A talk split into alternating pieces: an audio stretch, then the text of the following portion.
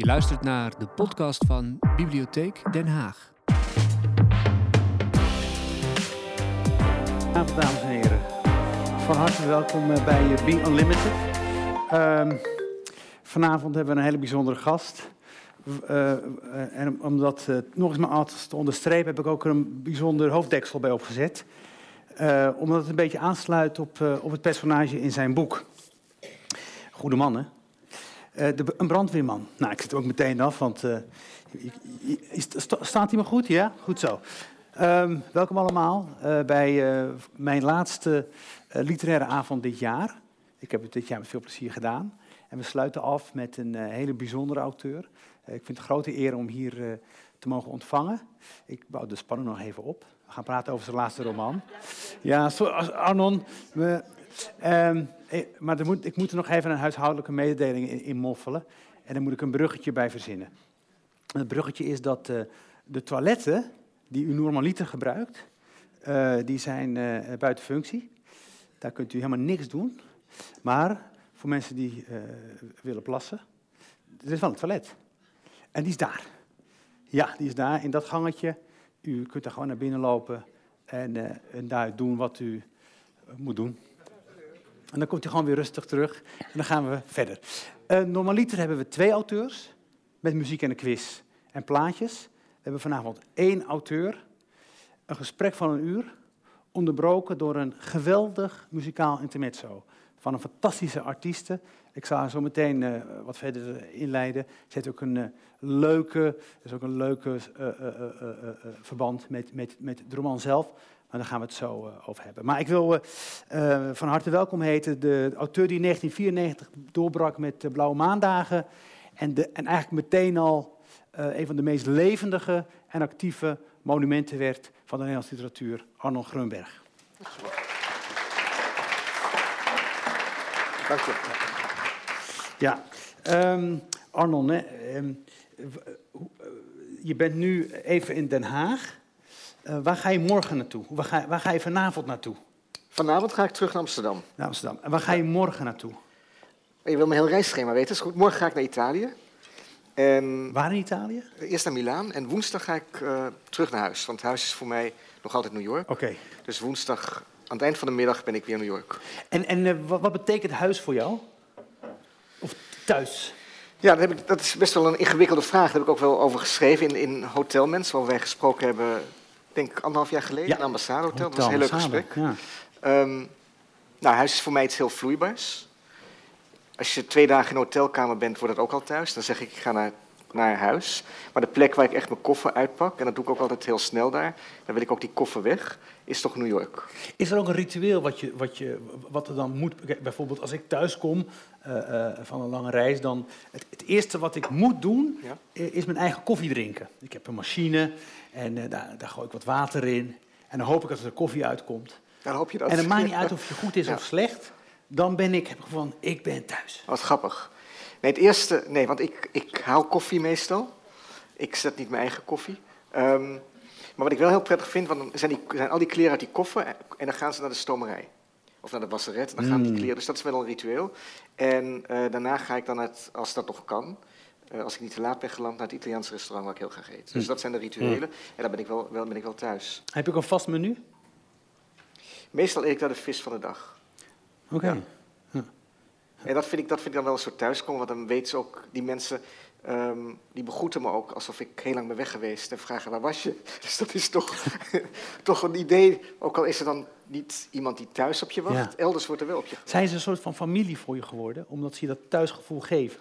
Nou, ik, vind wel, ik, ik ben wel iemand die van rituelen bepaalde plekken houdt. Mm. Dus dat zijn wel bepaalde, bepaalde mensen die daar werken, komen in de buurt van familie. Ja. Maar, maar het, is, ja, het raar is natuurlijk anders dan familie. Als ze dan naar een ander restaurant gaan, heel, ze verdwijnen ook weer. Er zit natuurlijk ook toch een vluchtigheid in, mm -hmm. die je misschien minder met familie hebt, hoewel je ook familieleden hebt die verdwijnen. Ja, soms, soms is het heel prettig. Heel soms. Is het heel prettig. ja, soms kun je, je kunt ze ook laten verdwijnen. Hè? Ja. Ik heb dat wel eens met, gedaan, de familiebezoek en dan zit er wel altijd iemand tussen, nou ja, rotte vrucht. En die laat je dan gewoon verdwijnen. Maar als ze bij je thuis op bezoek zijn? Of, of als ik bij ze op bezoek ben. Dan kan je gewoon ja. weggaan. Moeilijk is het om mensen je huis uit te zetten. Nee, natuurlijk. Nee, die zet ik. Nee, dat doe nee. je niet. Nee, nee ik, ik ben wel moeilijk hoor. Als ik je uitnodig bij mij thuis, dan, dan, dan, dan dan ga ik je ook wel verwennen en dan geef ik ook veel aandacht. Dan wil ik, ja. Nu wil ik toch even één ding aan het publiek vertellen over je moeder. Als ja. dat goed is. Mag. vorige keer spraken wij uh, over moeders. En eigenlijk kwam, dat vond ik zo, naar aanleiding van die bundel Hotelmens, dat ik zelfs het idee van, ik ga van heel veel Nederlandse schrijvers hun moeder opzoeken. Dat leek me een, een, heel goed plan. Daar ben ik nog niet aan toegekomen. En toen ik deze uitnodiging kreeg, toen zei ik, oké, doe het, maar er is één voorwaarde. Ik wil wel dat je moeder er is. Mm en toen zei ze, nou, toen zei dat is goed. En toen kwam je binnen, ik zei, Abdel, waar is je moeder? Zei, ja, natuurlijk is die er niet. Nee, hier, nee, ben je gek? Nee, Wat zou die hier gek. Ben je gek, ben je gek Arnon? Mijn moeder hier. Toen nee, dacht ik, dan ben ik ook naïef. Nee, die zou dan alle aandacht trekken. Nee, dat zou ik ja, wel leuk vinden. Dat weet je toch niet? Maar, ik, mijn tegenvoorstel... Ja, dat vond ik heel goed voorstel. Dat wil ik even vertellen. En dat moet je dan echt aan houden. Dat is het publiek mijn getuige. We gaan met jouw moeder naar de Ikea. Niet met, niet met iedereen? Nee, nee, nee, dat is ook. Dat is wel leuk nou, Kijk, kijk als, als ik tegen mijn moeder zou zeggen... Uh, er komt zo meteen een, uh, iemand op bezoek dan zou ze, denken, dan zou ze, dan zou ze eerst zeggen, ja, ik wil geen bezoek. Nee. Maar, wat, maar wat ze heel leuk vindt, zij, zij, wat, voor, wat voor mijn dochter de Efteling is, is voor mijn moeder de IKEA. En, en, en, en ik weet zeker als ik, dat ik, als ik met haar, tegen haar zeggen, hé hey, mama, we gaan even naar de IKEA in Delft. Dat is een fantastische IKEA. Om met de moeder te zijn. En dan zou ik jou bij de deur tegenkomen. Dan zou ze dat heel leuk vinden. Want dan zou ze denken dat jij onderdeel bent van het interieur. Ja. En, dan, en, dan, en, jij kan, en jij weet precies hoe je je dan moet gedragen. Dat weet ik, dat denk ik, dat weet ik zeker. Ja, Ik denk dat het ook heel leuk Volgens mij wordt het heel, heel leuk. Volgens mij vind dat, en, daar ben ik natuurlijk een beetje bang voor. Dat ze aan het einde zegt van, uh, was je maar een beetje meer zoals die Arnon. Oh ja, ja. ja, dat is toch wel vervelend. Dat is dan, maar goed, dat neem ik maar op de koop toe voor haar geluk. Voor zijn moeders ook. Ja. Mijn moeder deed dat vroeger ook altijd. Ze altijd, was je maar zo, of ja, ja. Is dat zo? Tuurlijk, dat hoort erbij. Wat ik, wat, het grote verschil in onze moederrelatie is dat jij tot de dood van je moeder drie jaar geleden, dat hoorde ik ook van anderen, dat je elke dag je moeder belde. Dat het een hele, ster, dat, een hele sterke, zeg maar, sterke, dat was een hele sterke relatie. Was het maar ik, ik, belde soms wel drie of vier keer per dag. En op een gegeven moment werd mijn toenmalige vriendin zo boos, dat ik dan stiekem naar de wc ging om met mijn moeder te bellen. Dus dacht ik, het lijkt net alsof ik overspelig ben met mijn eigen moeder. Dat was, ja. Maar was, Dat, was het bellen dan, bellen van, oh, uh, uh, ik moet iets weten, ik bel haar even, of was het gewoon een natuurlijke reflex? Net zoals de mond de tepel zoekt mijn moeder van, belde van de moeder. mijn moeder belde zelf heel vaak. Ja. En dan dacht ik, ik weet niet hoe het met haar is, ik moet wel even terugbellen. Dus er is toch een soort van even checken. Toen mijn moeder doodging, het eerste wat ik ook deed, of een van de eerste dingen, was het geluid op mijn telefoon uitzetten. Dacht, nu hoef ik niet meer gebeld. Ik bedoel, nu is niets meer dringend, dacht ik. Ja. dat vonden sommige mensen niet zo leuk, maar dat dacht ik wel. Ja, nu kan het geluid uit. Je bent niet naar een vervanging gaan zoeken? Want nou, niet bewust, nee. En ik dacht, iemand die jou belt? Nee, maar dat, dat kan ook niet echt, toch? Dat is niet, die relatie heb je niet. En ik vond het ook wel eigenlijk heel rustig dat je niet meer denkt van, oh jee, er is, ze ligt in het ziekenhuis. Of die, die toch het idee, die, dat weet ik ook nog toen mijn vader, die veel eerder is doodgegaan, toen hij stierf, dat, dat, behalve dat het natuurlijk heel erg verdrietig was, ergens ook een opluchting. Dat je denkt, nou ja, nu hebben we het ergste gehad, nu heb ik daar die angst, die je toch een beetje voelt, is dan weg. Dus je denkt, oh, ja. ja ik maar ik, ik heb begrepen vanuit, uh, vanuit literatuur, is, is dat je, je bent erachter gekomen dat je angststoornis hebt. Je vorige, roman, je vorige roman is gebaseerd op een verblijf wat je deed in een psychiatrische inrichting in Rotterdam. Uh, daar, vroegen de, daar mocht je meelopen. Wat je, dat was in Zoersel. Even, even, even, ik ga even, wat ook ja. twee dingen elkaar. Rotterdam was met de uh, um, psychiater die uh, aan suïcidepreventie deed. Ja. In 2013 heb ik eigenlijk nauwelijks gebruikt. Was ik twee weken embedded in een ziekenhuis in Zoersel. Ja. En daar heb ik tussen de psychotische, semi-psychotische patiënten geleefd die bezig waren te herstellen. Als onderdeel van mijn verblijf daar heb ik uh, workshops gegeven aan patiënten die depressief waren. En ik heb een evaluatie moeten geven over hoe ik mijn zorg heb ervaren. Dat was een paar maanden later. En toen hebben ze mij, hebben, heeft het personeel ook mij geëvalueerd voor allerlei patiënten, zoals deze. En toen zeiden de mensen, je hebt therapieontwijkend gedrag vertoond. En wij vinden dat je een angststoornis hebt. En dat kwam er best wel diep bij mij in. Ja. En toen heb ik ook gezegd als grap... En waarom vonden ze dat? Nou, dat, het was, wat, wat, waar zagen ze dat ah, in? Dus de therapieontwijkend gedrag. Toen ik dacht van, ik wil niet, niet te veel tijd van die psychologen en, en mensen in ontvangst nemen, want ik ben natuurlijk geen echte patiënt, ja. dacht ik. Dat was dus een vergissing. en ook om, ja, mijn natuurlijke reflex is toch om niet te veel over mezelf te spreken in zo'n situatie. Ja. En ook omdat ze vonden dat ik in mijn stukken, ik had met sommige van die, daar heet het patiënten, bij anderen, maar soms heet het bewoners, ook een goede band. En we zijn, uh, ik heb dan gezegd, nou laten we wat gaan doen en we laten we uh, naar het café gaan, want ze mochten naar buiten. Toen zeiden ze, ja dat is typisch voor een neuroot, ik kan de leegte van de de leegte van het bestaan uh, niet onder ogen zien. En hij heeft in zijn stuk, en dat vond ik best wel niet kwetsend, nou, dat, dat, dat, emotioneerde me echt. Hij heeft in zijn stuk het lijden van die mensen niet gezien. Hij, heeft, hij, is, hij is, op de vlucht gegaan voor het lijden. Sterker nog, je, uh, je voelt niet alleen gekwetst, maar je hebt, ook, je hebt ook heel diep gehuild. Toen ik terugkwam op een hotelkamer, ja, dat verbaasde mezelf.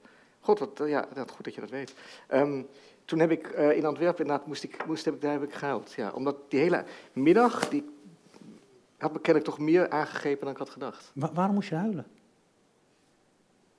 Nou, ik denk ook en, en het, het, ik moet even dan, om dat goed uit te leggen, even uitleggen hoe de situatie daar was. Het was op een afdeling waar de, het hoofd van de afdeling waren twee. Het was een broer, die was, uh, Joost heette die, psychiater was het hoofd van de afdeling. En zijn broer, die was daar psycholoog. En van met die broer die psycholoog was, had ik een wat moeilijke relatie. En die had die um, presentatie gegeven. En ik vond ook dat hij wel heel erg hard op me had. Dus misschien zat ook een idee, ik huilde misschien ook omdat ik dacht, dit is toch een beetje onrechtvaardig. Hmm. Zijn broer heeft verklaard ook gezegd van, dit hadden wij niet zo moeten doen. Dus dat is excuus aangeboden. Maar ook omdat ik dacht van ja, als ik dat lijden niet heb gezien, dat, het voelde als enorm falen. Ja, het ja precies, enorm falen. precies. Want ze, ze, zeiden van ja, je, je, je ziet onze worsteling eigenlijk niet. De, het is, je ziet niet hoe moeilijk het is voor ons om, om dit leven te leiden. En, en dan kom ik eigenlijk bij, bij, bij Goede Mannen.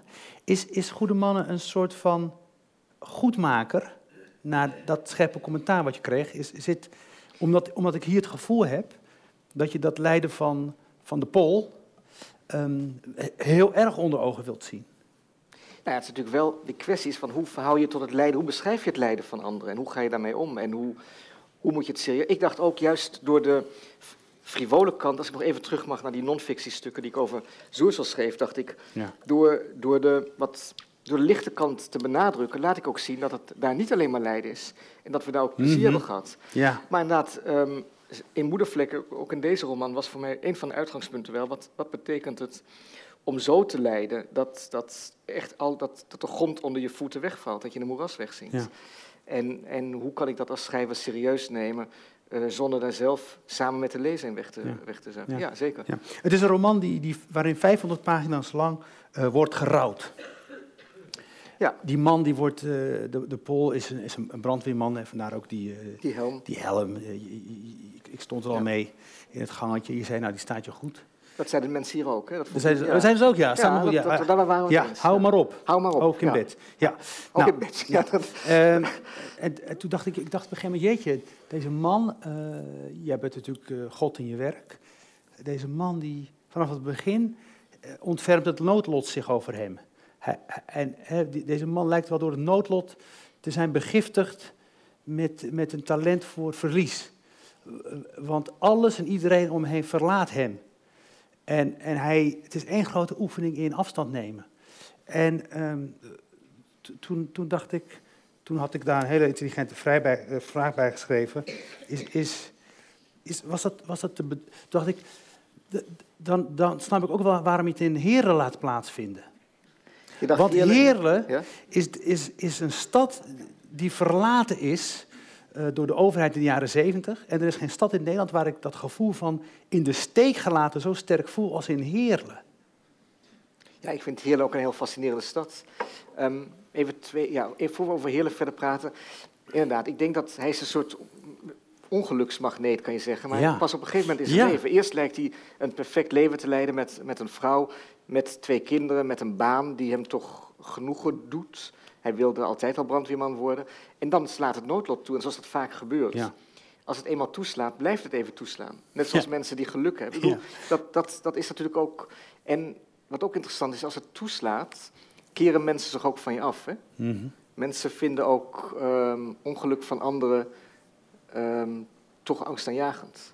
Toen ik van de zomer even een klein zijpadje twee weken in een verpleeginrichting was in uh, Gent onder jonge dementen was een van de klachten die die mensen zeiden van ja, op het moment dat je hier komt, je verliest al je vrienden. Ook al hmm. ben je nog helemaal niet zo dement dat je niet met ze kan praten. Hmm. En het ging mensen van onze leeftijd. Hmm. Niemand komt meer op bezoek, want ze vinden het eng. Ze willen niets met je te maken hebben. Je bent toch je bent een beetje vergiftigd. Je bent, en ik denk dat heeft toch te maken met het idee van dat je het ongeluk of het noodlot aantrekt. Of het nu jong dementie heet, een ziekte. Of inderdaad zelfmoord van een kind of wat dan ook. Er zit ook iets aan van mensen dat mensen op een gegeven moment denken, nu moet het nu moet het verdriet of nu moet die ellende genoeg afgelopen zijn. Ben, je, ben, je, ben jij ook iemand die, die, als het heel heftig wordt, weggaat? bedoel, je, je, je, moeder was ziek. Uh, dat zou je om omgeving moeten Op een gegeven moment zei het, het, meisje wat haar verzorgde, zegt, zegt dan tegen jou... Van, als je er bent, gaat het goed met haar. Als je er niet bent, gaat het slecht. Ja. Waar, impliciet zegt ze, blijf nou even. Je koos er toch voor om weg te gaan. Ja, er zit ook zeker, het is altijd een compromis. Met je werk, met, met je leven. En er zit ook in mijn hele egoïstische kant. En dan kan je zeggen, dat is dat bellen dan een compensatie. Want er zit natuurlijk, ik zoek altijd wel weer een compromis. Dus dan ga ik weg, maar dan ga ik wel vier keer per dag bellen. Ja, nee, dat vind ik, wel, dat vind ik wel heel moedig dat je dat doet. Want ik, ik, ben, ik ben ook weg en ik heb, een, ik heb een lastige relatie met mijn moeder, behalve in de IKEA. Maar, maar ik kan haar niet bellen. Maar waarom dan niet? Ja, ik, ik heb totale blokkade. Moet ik bij jou in therapie? Ja, maar, nee, maar, maar, nee, maar, ik, dan vind ik het dus moedig dat je dus toch die telefoon oppakt. Maar ik weet niet hoe jouw moeder is, maar volgens mij hoef je helemaal niet zoveel tegen je moeder te zeggen. Ja, dat zeggen al mijn vrienden. Je moet gewoon, je moet gewoon luisteren en dan... Ja, maar ik vind dat toch wel, dat, dat niks zeggen, zeggen vind ik wel... Dan zeg je het gaat goed en ik ben nu daar en ik bel je straks weer en dan vertel ik je meer. Ja, je moet altijd soort klik Dat is een goeie, ja. ja. En wat zei je moeder dan, als je dat zei? Ja, dat was leuk. Ik denk dat ze misschien okay. wat meer van me had willen weten. Maar ik ben natuurlijk, dat is waar. Maar ik ze, las jou, ze las jouw stukken, toch? Jawel. Ja. ja maar ik heb ook wel eens echt bewust dingen niet verteld. Dan was ik in Afghanistan en dan deed ik alsof ik heel ergens anders was. Want ik dacht, als mijn moeder weet dat ik in mm. Afghanistan ben, dan gaat ze zich zoveel zorgen maken. Mm. Dat is gewoon niet goed. Ja. Um, terug naar Pol. Terug naar Heerlen. Ja. Heerlen, ik heb, nee, Heerlen is natuurlijk inderdaad... Ik vind hoe, kwam je, hoe kwam je in Heerlen terecht? Ik wilde Zuid-Limburg. Zuid-Limburg heeft me vind ik, vond ik fascinerend. Het is een periferie. Je bent daar als mens uit de Randstad ben je een vreemdeling, blijf je een vreemdeling. Tegelijkertijd gaat het om iemand die dubbel vreemdeling is, kan je zeggen, omdat hij een Poolse achtergrond heeft en de Pool wordt genoemd omdat hij een onuitspreekbare naam heeft. Het landschap daar is eigenlijk al niet meer Nederlands, prachtig landschap. En tegelijkertijd zijn heel veel Limburgers die je tegenkomt. Ik weet niet of er vandaag Limburgers zijn die in de Randstad wonen, die zeggen, ja, voor ons is er niets exotisch aan Limburg, ik wil er vooral niet meer heen. Dus er zit een hele dubbele, mm. dubbele verhouding in. Er zit ook een hele donkere kant aan Limburg. En ik, wilde, ik wist dat die man een brandweerman was. En ik wilde het per se niet in Maastricht laten afspelen, want dat vond ik toch weer te veel groot steeds en te veel, ja. Uh, te veel, toch klein, te veel metropool, hoe klein, klein dan ook. En dan kom je in Heerlen uit. En Heerlen was ja, een voenkoe, echt een heerlijke stad. Omdat ook, ook Heerlenaren zeggen, het is de lelijkste stad van Nederland. Ja, ja. Dat zullen niet veel mensen over hun eigen stad ja, zeggen.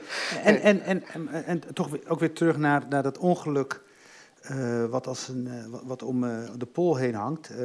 Oh, de, de, stad zelf is door, door het wegtrekken van de mijnen.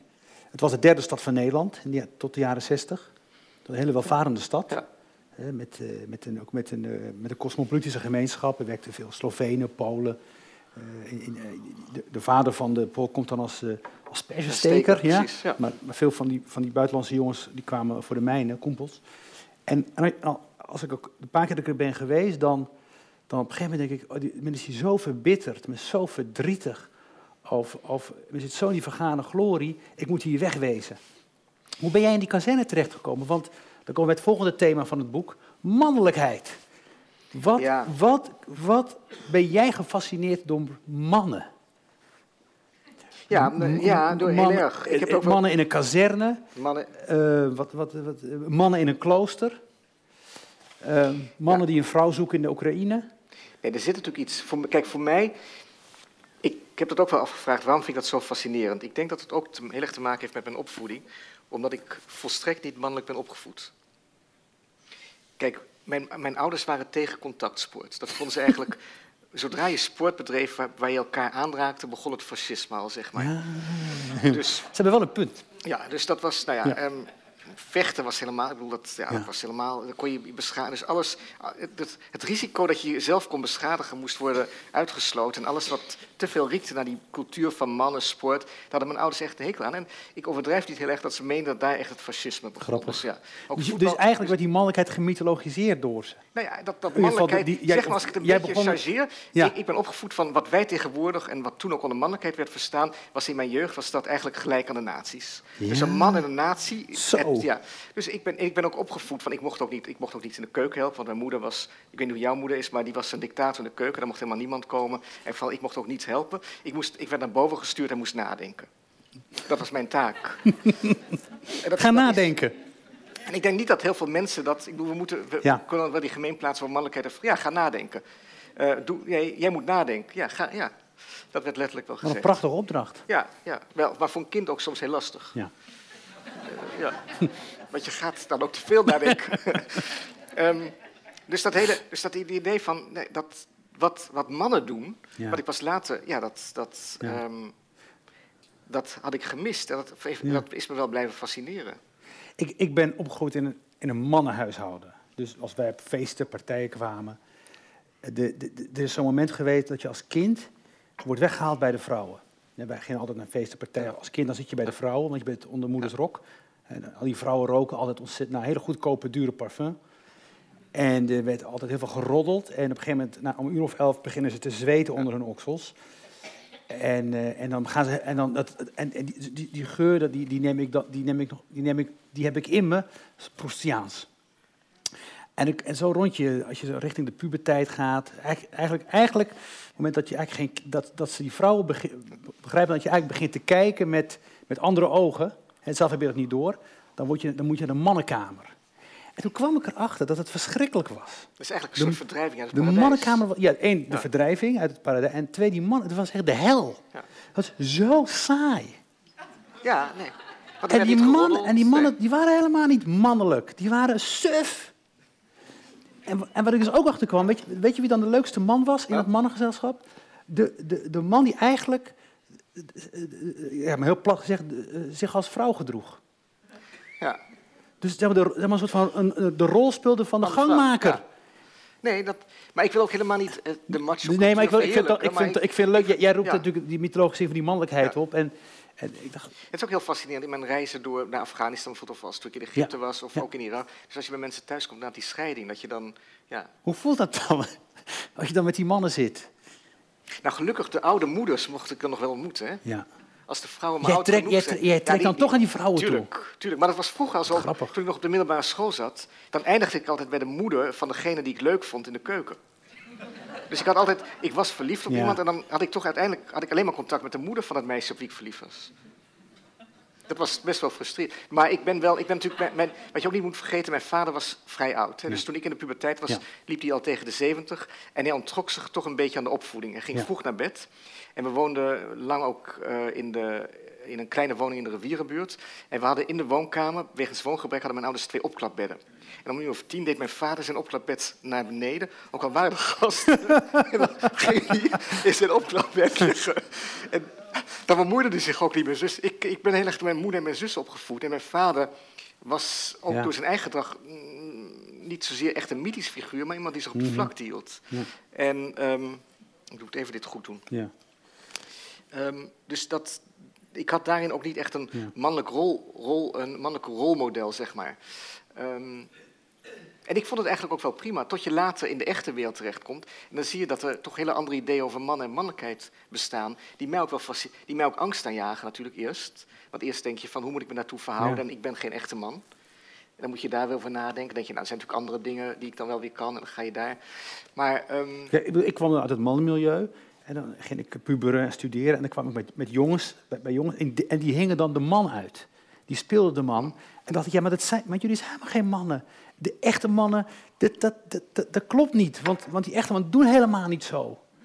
Maar wat is dan een echte man? Ja, ja natuurlijk. Dat, die is het dus niet. maar, maar dus bepaalt niet, net als jij zoekt naar wat is dan die mannelijkheid, zoek je op een gegeven moment naar, naar, naar, naar, naar, naar die spiegel waar je, jezelf, waar je iets van jezelf in herkent. Nou, wat, mij natuurlijk heel erg fascineerde, toch wat ik totaal niet kende, was dat deel van de, man, van de mannencultuur, wat misschien op andere manier ook wel weer in de vrouwencultuur te vinden is, we moeten dit ook niet te veel scheiden, mhm. is die hele fascinatie met het lichamelijke, met het lichaam, met het, het, het fysieke. En in die zin, dat, dat, dat fascineerde mij ook aan het leger, hoewel het eigenlijk een heel diverse cultuur nog is vergeleken met de brandweercultuur, wat een van de weinige bedrijfscultuur is die ik ken, waar echt bijna geen vrouwen zijn. En waar ook letterlijk tegen mij gezegd is, we hebben hier één vrouw gehad, maar die hebben we heel snel weer weggewerkt. Ja. En dat zul je niet meer bij de politie of bij het leger horen. Was, het ook een, uh, was het ook een vrouwenvriendelijke cultuur? Nou, het is wel... Ik denk dat er heel veel PVV-stemmers zijn onder de brandweermannen. Dus dat wil ik helemaal niet. Dus, en dat dus, zegt niet hetzelfde als vrouwenvriendelijke cultuur, maar wel een cultuur van ja, je bent mannen onder elkaar en dat levert een mhm. bepaalde dynamiek op, waar je bepaalde Waar ook logischerwijs dan op een bepaalde manier over vrouwen wordt gesproken, dan ga je daar niet tegen in. Dat, hmm. dat doe ik ook niet. Dat doe ik sowieso ben ik uit de gast. En het is niet mijn taak om mensen te corrigeren, wat ze ook zeggen. vind ik, op, dat, op zo'n moment. En ehm, ik denk ook, als ik daar zou werken, zou ik dat ook denken, ja, dan pas je aan. Dan ga je niet zeggen van, ja, zo moeten we niet over vrouwen praten. Want dan ben je, heb je zelf ook geen leven meer. Ik denk, je moet wel, ja, je moet ook praktisch blijven. Ja, ja, ja. Want je moet wel met z'n allen, kijk, je, gaat wel, je bent wel van elkaar afhankelijk. Je gaat, als de nood, je gaat wel met z'n allen een, een brandend huis spinnen. En dan moet je ook op elkaar kunnen vertrouwen. Dus dat, dat maakt eigenlijk alles, uh, dat maakt eigenlijk alle vuiligheid goed. om, omdat, het is een test. Het, je bent continu in zo'n kazerne elkaar aan het testen. Kan ik jou vertrouwen? Kan je, pik je alles van me? Kan ik jou het bloed onder de nagels vandaan halen? Want dat zie je ook in, in voetbal met, met, met, met voetballers. Ze gaan op een hele directe, beetje hatelijke manier met elkaar om. Om, om, elkaar, om, om elkaar scherp te houden. Van... Ja, dat zie je ook wel weer in het leger. En dat ja. ik ook, want dat, kijk, ik bedoel, je, als, je daar, als je gaat vechten, dan vecht je niet voor de vrijheid of het vaderland. Je vecht voor die 12 man of 13 man met wie je in een platoon zit. En, en waarvan je hoopt dat zij jou eruit halen en dat jij hen eruit haalt. Mhm. En dat geldt in zekere zin ook voor die brandweer. Dus dat vertrouwen, dat is wel essentieel. Mhm. Ja. Is dat ook de reden waarom veel van die mannen, als ze dat terugkomen in de gewone samenleving, helemaal kapot gaan? Omdat ze die onvoorwaardelijke loyaliteit missen? ik denk, als je, dat is natuurlijk echt brandweer. Hoewel er zijn heel veel ex-defensie mensen komen wel terecht in de brandweer zag ik. Maar op het moment dat je wordt uitgezonden als Nederlandse militair, en, heb je, natuurlijk, en je, hebt een, je zit in een oorlogssituatie, dan moet je zoveel dingen anders doen dan normaal. Je moet, hier mag je niet doden, daar moet je doden. Je hebt met zo'n andere spanning te maken, dat ik me wel heel goed kan voorstellen dat je dan dat je niet meer kan wennen aan, aan die vrede. En dat, die ook eigenlijk, hmm. dat er iets ondraaglijks zit hmm. in, in deze weldaad hmm. en in deze... Ik vind De Hurt Locker nog altijd een hele mooie film. Er zit één scène in, dat gaat, gaat over een man die... Uh, uh, bommen, klaar, ja. moet maken in Irak. Komt hij terug in Amerika echt een, en dan loopt hij door een supermarkt en opeens denkt hij, ja, wat, wat doe ik hier in deze supermarkt? Wat, is dit, wat is dit eigenlijk afgrijzelijk? Dus dat verlangen naar spanning en toch het idee, wat ook de titel is van een boek van een oorlogscorrespondent, Oorlog is een kracht die ons betekenis geeft. War is a force that gives us meaning. Dat zit, dat is natuurlijk, dat, mm. dat zit er wel mm. in. En veel minder in die brandweerkazerne. Wat mij daar weer fascineert, is dat ze daar die 24-uursdiensten nog altijd hebben. Ja. Met alle gevolgen, je hebt het ook over gelezen in Amsterdam. Maar dat levert natuurlijk anarchie op, dat levert een hele raar, raar soort dynamiek op. Waardoor je ook zo... Die, maar die omerta is zo sterk, die, hè? De, die loyaliteit is zo sterk. En, en wat je vaak ziet, dat, dat soort mannen wat dan uit die wereld stapt, die, leger, brandweer, voetbal, die komen in de samenleving. weet je wat ze dan van de samenleving vinden? Ja, het is allemaal hypocriet. Het is allemaal hypocriet. Want ja, want, ja, want niemand, niemand, niemand houdt zich aan zijn afspraken. Terwijl ik dan denk, ja, nee, die samenleving die, die rendeert een beetje, die rommelt lekker door, omdat iedereen maar een beetje rommelt. Het, dus, maar dus, het, het, zit natuurlijk omdat je, je hebt met subcultuur te maken. Ik, mijn volgend project wil ik met een kermis mee. Ik sprak gisteren met iemand die opgegroeid is in een kermiscultuur. En de kermismensen heten reizigers, die noemen elkaar reizigers. En de burgers, dat zijn eigenlijk kaffers. Ja, dat vinden zij Kaffers. Dat zei, ja, je hebt, hij zei, als je kermisklanten, reizigers, dan heb je, de, dus je, hebt de kermis, je hebt de reizigers, dan heb je de honden, dan heb je de paarden en dan heb je de burgers. Ja. Kaffers is uit het, uh, Zuid-Afrikaans, toch? Ja, ik weet niet. Kaffer, kaffers, had hij, dat kaffer. Ze had een tante, en zei hij van ja, dat zijn ook kaffers. Daar moet je ook maar wordt dan, daar wordt dan op neergekeken? Ja, een beetje wel. Nou, die dus moet je uitpersen, die, die komen naar de nou kermis, die, die, die, moeten gewoon veel geld achterlaten en... Het zijn, het zijn andere mensen. Ja, ja, dus dat, dat, dat, fascineert, dat vond ik daar ook weer heel fascinerend. Dan ben ik ook is dat niet heel lekker om, dan, om, om tot zo'n sterke groepsidentiteit te behoren, waarin je de buitenwereld kunt gebruiken als, als demarcatielijn? Want omdat het echt een gevoel heeft van wij zijn wij en de rest doet er niet toe. Dat lijkt me ook wel lekker. Ik denk dat het voor heel veel mensen aantrekkelijk is. Dat zie je ook in het opkomende Is het voor jou aantrekkelijk? Nee, ik ben een super individualist. Maar juist daarom fascineert het heel erg. Ik heb een hekel aan het wij. Maar tegelijkertijd kan het, begrijp ik ook wel waarom mensen het belangrijk vinden. En waarom mensen naar zo'n gevoel van gemeenschap zoeken. En die ook vinden in hun werk of ergens anders. En ik, ik, het beangstigt me. Ik geloof dat het, heel veel, dat het vooral negatieve effecten heeft. Mhm. Maar ik, ik, kijk, zeker in zo'n brandweer, ik bedoel, kermis, ik bedoel de kerm, als reizigers, ik bedoel, dat is, is het ongevaarlijk. Maar op het moment dat je het op nationalisme hebt, of als je zegt wij witte of wie dan ook, zodra ja zodra je te veel generaliseert en, en, en een vijandbeeld creëert, wordt het heel gevaarlijk. Kijk, dat, dat mensen, dat reizigers, kermisklanten over burgers als kaffers spreken, daar heeft niemand last van. Dat is bijna folklore. Ja. Uh, en die brandweercultuur, ja, om een voorbeeld te geven, daar hoorde ik in Heerloodik van hoe dat vroeger ging. Er was één brandweerman die had een boot en die heeft hij gewoon in de kazerne neergezet om daar op te knappen. Dus dat, dat, was, ja. dat kon op een gegeven moment. Ja, ja. God, ja, waarom niet? Dat gebeurde in Amsterdam ook. Ja, ja. Dus dat, ja. Werd wel bijgekluist. Ja, Dus dat, dat, dat, die, die, die, halve anarchie die, je die eigenlijk ook heel begrijpelijk is, omdat je hebt nou... Ja, je, zit er met de familie onder elkaar. Jij, uh, in, in, in, uh, in Goede Mannen wordt dat moment van uh, collectiviteit radica radicaal nou ja, klap kapot gemaakt op het moment dat, die, dat, dat, hij, dat de Pool zijn, zijn zoon verliest. Die, die jongen die springt voor de trein. En ze moeten dan naar het spoor om alles ja. op, op te ruimen. En hij wordt dan verteld van, hé, hey, dit is wat er is gebeurd, maar jij, jij blijft hier weg. Hij komt dan thuis en dan begint het moment van, van rouw. Hij besluit, hij wil ook... Dat moet ik ook nog even goed uitleggen, want inderdaad, de brandweer zegt over zichzelf van als de politie of de ambulance niet doet, moeten wij het doen. Ja. Maar tegenwoordig heeft uh, de NS, ProRail, heeft een eigen dienst uh, voor uh, zelfmoordenaars. De brandweer hoeft dat in principe niet meer ja, te doen. Ja. Want de ambulance, op het moment dat de dood is vastgesteld, gaat, gaan de ambulancebroeders niemand meer van. En ze, ze, hebben het letterlijk over de brandweermannen het over van de rails krabben. En het schijnt dat dat ook echt zo is. Dat, dat hoe, uh, Vergeef me dat ik het zo plastisch zeg.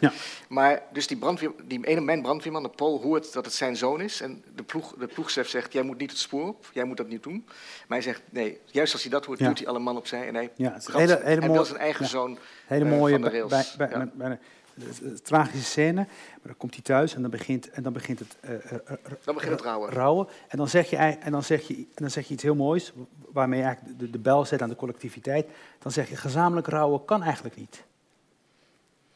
Nee, ik denk dat dat zo is, want hij merkt natuurlijk, die, zijn ploeg die doet wel zijn best, maar ze weten ook niet hoe ze dat moeten doen. Dus ze gaan het huis opknappen. Want ja, het blijft ze komen schilderen, ze willen schilderen. schilderen. ja, we kunnen hier niet blijven. We gaan wel je huis ja. En um, de, de, collega's van zijn, van zijn vrouw, ja, die zitten toch apart. Dat zijn, En hij vindt ook van dat mensen door al te opzichtig te rouwen eigenlijk zich iets toe-eigenen wat hen niet toebehoort. Wat ik denk, waar ik me ook wel in kan mm -hmm. vinden. Um, en hij merkt natuurlijk ook dat het een wicht drijft tussen hem en zijn vrouw. Ja, vooral dat. Vooral dat. Dus dat, ik, samen rouwen is verschrikkelijk ingewikkeld, denk ik. Ja. Is het überhaupt mogelijk? Ik heb het gevoel dat je, dat je in het boek zegt nee. Nee, ik denk dat rouwen iets is wat je echt alleen moet doen. Oké. Ja. We gaan naar, de, naar mooi, moment, mooi moment, mooi dankjewel voor het bruggetje. Mooi moment om naar, uh, naar de muziek te gaan. Coziel, haar, haar cd's liggen bij de boekhandel. Ja, dus mocht u uh, meer van haar willen horen, haar willen volgen. Ze heeft twee cd's gemaakt. Ze heeft er maar zes bij zich. Dus u moet, u moet, ja, dus u moet meteen naar, naar de boekhandel rennen, zo meteen. Um, Arno. Mag ik zeggen dat ik heel blij ben met jullie muziekkeuze? Dankjewel. Ja. En ik wil ook, want daar moest ik heel gaan denken. Ik ben ooit met Paul Rozenmuller voor een televisieprogramma naar het kamp geweest. En de meeste mensen die daarheen gaan, die logeren in Krakau. Maar op een of andere manier hadden wij, kregen wij een hotel in Oswiecim. In een heel oud, het was 2005, naar mijn idee is nog zo'n oud communistisch hotel. Volgens mij had het ook nog die naam van die oude communistische keten. En dat was een van de merkwaardigste stadjes waar ik, waar ik ben geweest. In mijn herinnering toch, ik hoop niet dat ik Anka nu erg beledig, een soort heerlen. een soort heerlen? Een soort heerlen. Een soort heerlen. Maar je, je, je kon, dan nog kleiner. Je kon de treurigheid van de grond afschrapen. Ja, eigenlijk, eigenlijk natuurlijk ook vanwege die je weet waar je bent. Maar er was één, in mijn herinnering was er maar één restaurant open. En we kwamen daar met die televisieploeg, het was voor een documentaire. We kwamen vier met drie man, zaten we daar.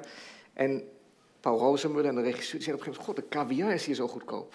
En toen hebben we in zo'n Auschwitzim ons ongans gegeten en caviar. En, dat was, dat, en de, de, dag daarna, toen we naar het kamp gingen, had ik verschrikkelijk hoofdpijn, want we ook heel veel wodka gedronken. Mm. En dat staat me heel erg bij aan dat, dat stadje. Dus dat die, die merkwaardige treurigheid en dan tegelijkertijd een, een restaurant bijna leeg waar de caviar spotgoedkoop is. Dat is eigenlijk, ja, Nu, nu, ik de muziek heb gehoord, denk ik, daar zou ik eigenlijk iets over moeten schrijven. Ja. Dat wil ik even melden. Ja. Eh, ehm, je, gaat dan terug naar zo'n plek om uh, de, de, de, geschiedenis, de persoonlijke geschiedenis, die van je ouders te herleven. Um, lukt dat? Is dat een plek waar je, dat, waar je, dicht, waar je dichtbij iets komt? Je, je, bent ook, je bent een zoeker, je zoekt beelden, gevoelens, emoties. Had... had je daar het gevoel van, nou, ik, ik heb hoofdpijn, maar ik begin wel iets ja, misschien was het die plek die me hoofdpijn bezorgde. Kijk, het was, Paul Rozenmuller had gezegd, wil je dit doen? Ik was er zelf alleen nooit heen gegaan. Ja. Um, Want je vindt dat, dat... Ja, ik had moeilijk. Ik had eigenlijk toen ik daar was spijt. Dat heb ik hem ook gezegd. Ik had dit niet moeten doen. Voelde het als verraad? Want dit is het voelde, ja, het voelde toch... Het had iets heel onprettigs om daar met televisie... Voor juristisch? Ook om het, iets dubbel voyeuristisch, daar rondlopen. Het is natuurlijk ook een, het is een enorme attractie geworden. Je hmm. ziet het ook, de beelden in Krakau. Het wordt aanbevolen als, als toeristattractie. Het is wel heel goed gedaan. Het is heel indrukwekkend gedaan. Hmm. En tegelijkertijd loop je daar met een camera en word je ondervraagd over dingen. Dus het had iets, ik vond het heel ingewikkeld. Had je ook het gevoel dat je verder, dat je verder wegkwam van wat je ouders hadden meegemaakt? Dat je van moeder, ja. Ik vroeg me ook af of mijn moeder wel had... Ja, mijn moeder zei altijd, ik hoef er niet heen, ik ben er al geweest. En, en um,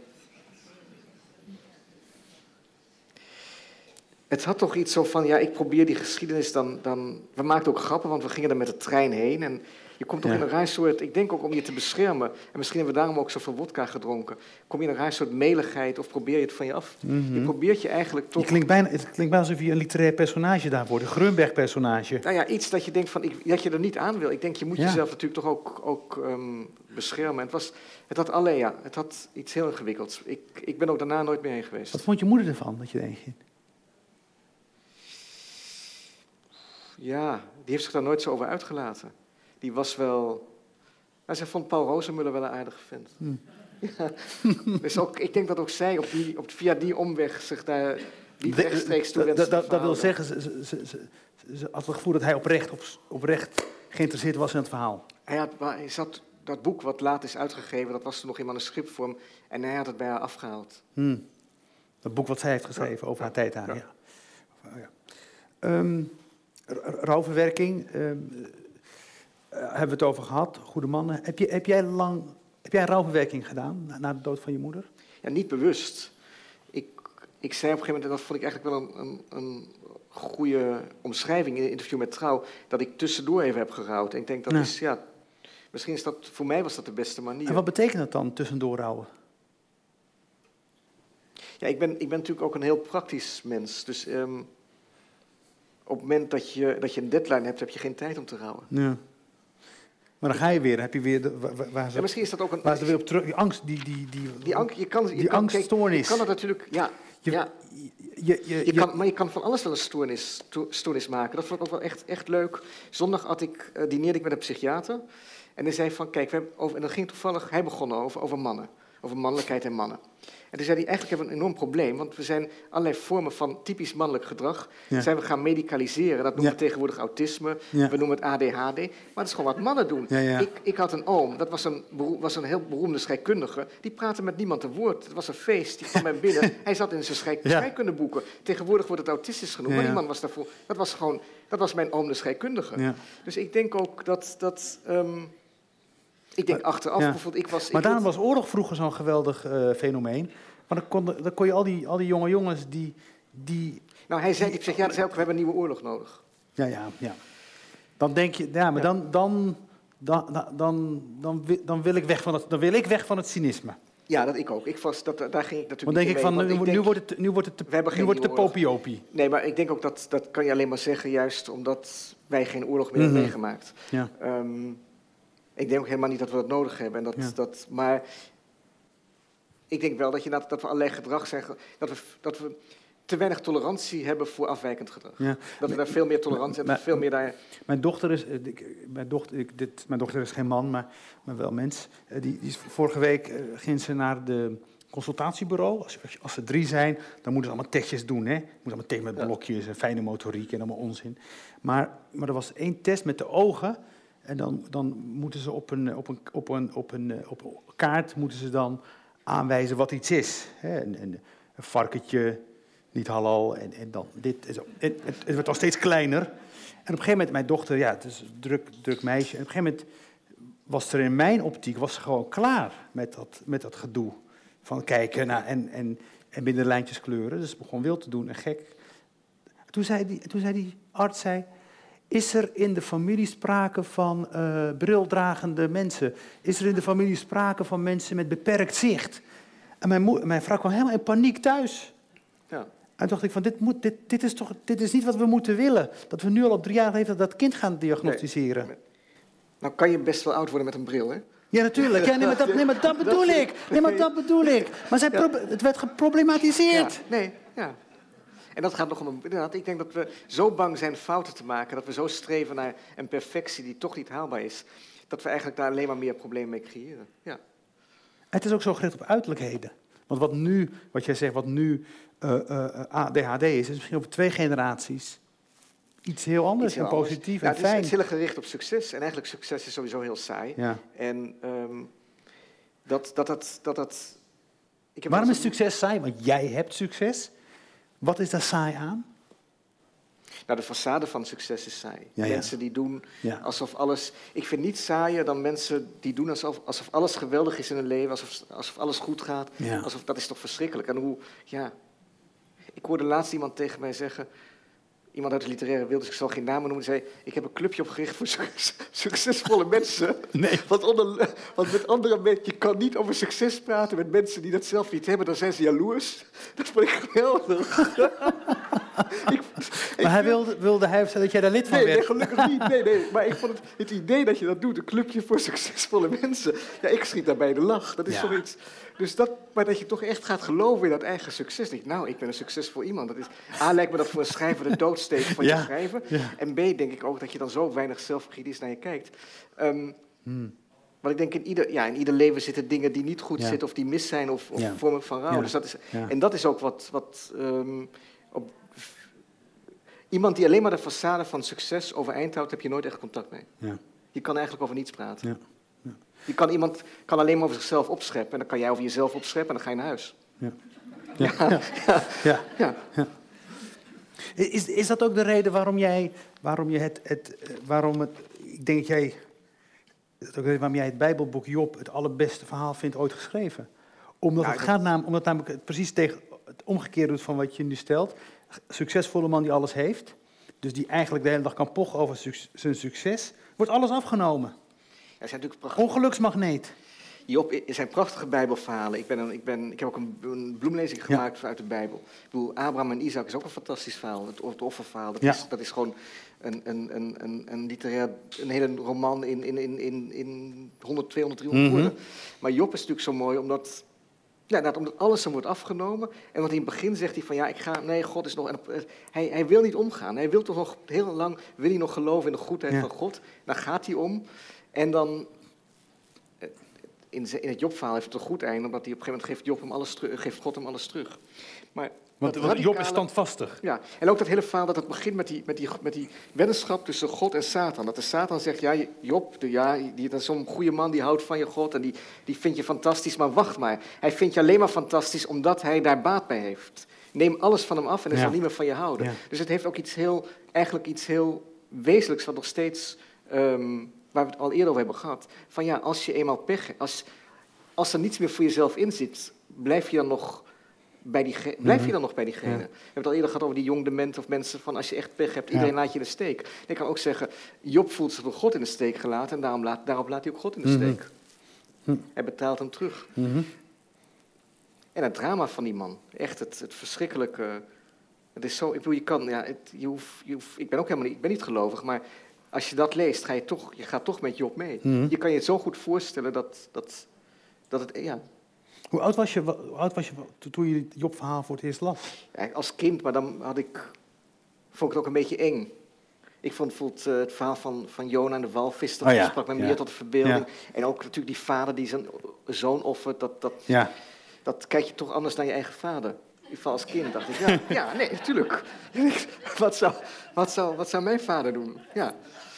Maar wat zou, jij, ja, wat zou die doen? Ja. ja, je mag hopen van niet. Je mag hopen dat hij... Eigenlijk mag je op zo'n moment hopen hm. dat iemand, dat Abraham tegen God zegt, ben je nou helemaal belazerd? Tuurlijk ga ik mijn zoon niet hm. offeren. Maar het is natuurlijk ook interessant, want de Bijbel zegt ook, we moeten weg van die mensenoffers. Hè? Dat, mm dat, dat is eigenlijk de, de, moraal van het verhaal. Geen mensenoffers meer, we gaan naar de dierenoffers. Ja. Um, ja, nee, dat, ja. En die worden dan ook weer afgeschaft later, maar goed. Um, Job ben ik pas, pas later mooi gaan vinden. Eigenlijk toen ik dat, die bloemlezing maakte en toen ik ook het hele Nieuwe Testament heb gelezen, uh, toen sprong Job er wel uit. Ja. ook, wat natuurlijk ook zo mooi is, omdat die taal zo simpel is en, en dat repetitieve, daar zit, dat zit, daar zit iets heel bezwerends ook in.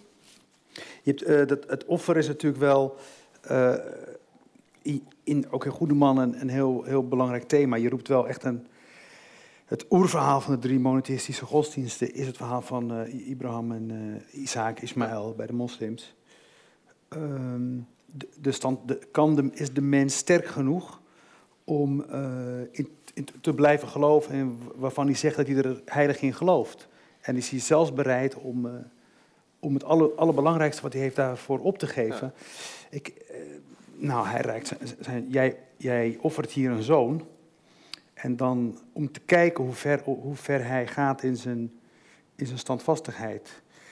Ehm, ik, ik, tien jaar geleden was ik op bezoek bij een, uh, omstandigheden in, in Beirut bij een moeder die een paar dagen ervoor had, die een paar weken ervoor had gehoord dat, dat haar zoon was omgekomen in een verkeersongeluk. En, en toen, toen ik bij haar was, het eerste wat ik dacht toen ik haar zag was, haar leven is voorbij. De, de, ze is, met de dood van haar zoon is zij, is zij ook gestorven. En um, dus verder leven kan ook voelen als verder dood, eigenlijk dood zijn. En niet meer zijn. Ja, ik denk dat het ergste wat je kan overkomen als ouder is dat je kind sterft. Mijn moeder zei altijd, als jij doodgaat, stop ik met eten en ben ik, ben ik, ben ik, ben ik mm drie dagen ook dood. Ja. Um, dus ik, verder leven, ja. Want, hij, want, de, want, want de, de, ik denk alleen maar als je deze premisse, als je, als je dit in je hoofd hebt, als je weet hoe, dan snap je ook waarom de Pol de dingen, dingen doet die hij doet. Het is nogal, hij gaat nogal ver in, in, in, in, in het zoeken naar troost. En hij ontdekt dat, en hij komt er ook achter dat als een pijn wordt aangedaan, als hij pijn voelt, dan... heftige seksuele pijn voelt, dan neemt dat die pijn weg. even weg. Ja. Ja, dat is zo'n bizarre scène. Ja, dat is van, Veel, van de veel mensen bizar, die wortel, de naaldhak. Ja, maar ik denk wel dat, dat, dat het heel, er gaat heel een condoom, Er gaat dan op een gegeven moment ook een condoom om de naaldhak. Toch een, ja, liefde, toch iets liefdevols. We doen het wel voor zich. Safe sex. Safe sex, met ook, ook, met een naaldhak. Ja, dat is toch de... Ja, ja. dat is heel paradoxaal. Mensen zijn paradoxaal. En, en hmm. dat, dat dergelijke heftige... Ik denk, je moet hem ook zien als een, als, een, als een dode onder de levende... die op die manier, door naar het excess te zoeken... Mhm. nog nog iets. Ik neem even zonder bubbels. Is dat goed? Ja, goed. Ik, trek, ik trek de fles al voor je open. Kan nou, je lekker. oh ja, um, oké. nou. Um, maar ga door. je, um, je, zegt hij, is, hij, is, hij is bijna dood onder de leven. Hij is een dood onder de leven. En door, door die excessen te zoeken, door die extremiteit te zoeken, ook later in het klooster, vindt hij nog iets van, van leven terug. Maar ik denk dat dat is. Ik vind het heel mooi hoe je dat, hoe je dat terugbrengt. Of hoe je dat. hij offert zichzelf. Hij heeft ook weinig keus. Hmm. Ik kan zeggen, heeft wat, hoe moet, wat zou hij anders moeten doen na, na die catastrofe? Na, kijk, een zelfmoord is misschien nog, nog heftiger dan, dan een auto-ongeluk. Omdat je natuurlijk ook denkt, wat, wat had ik anders kunnen doen? wat had ik anders kunnen doen? Um, en dat, dat, dat blijft, dat gaat ook niet over. Dat, daarom zit ook nog tien jaar later, is, is dat nog steeds niet weg.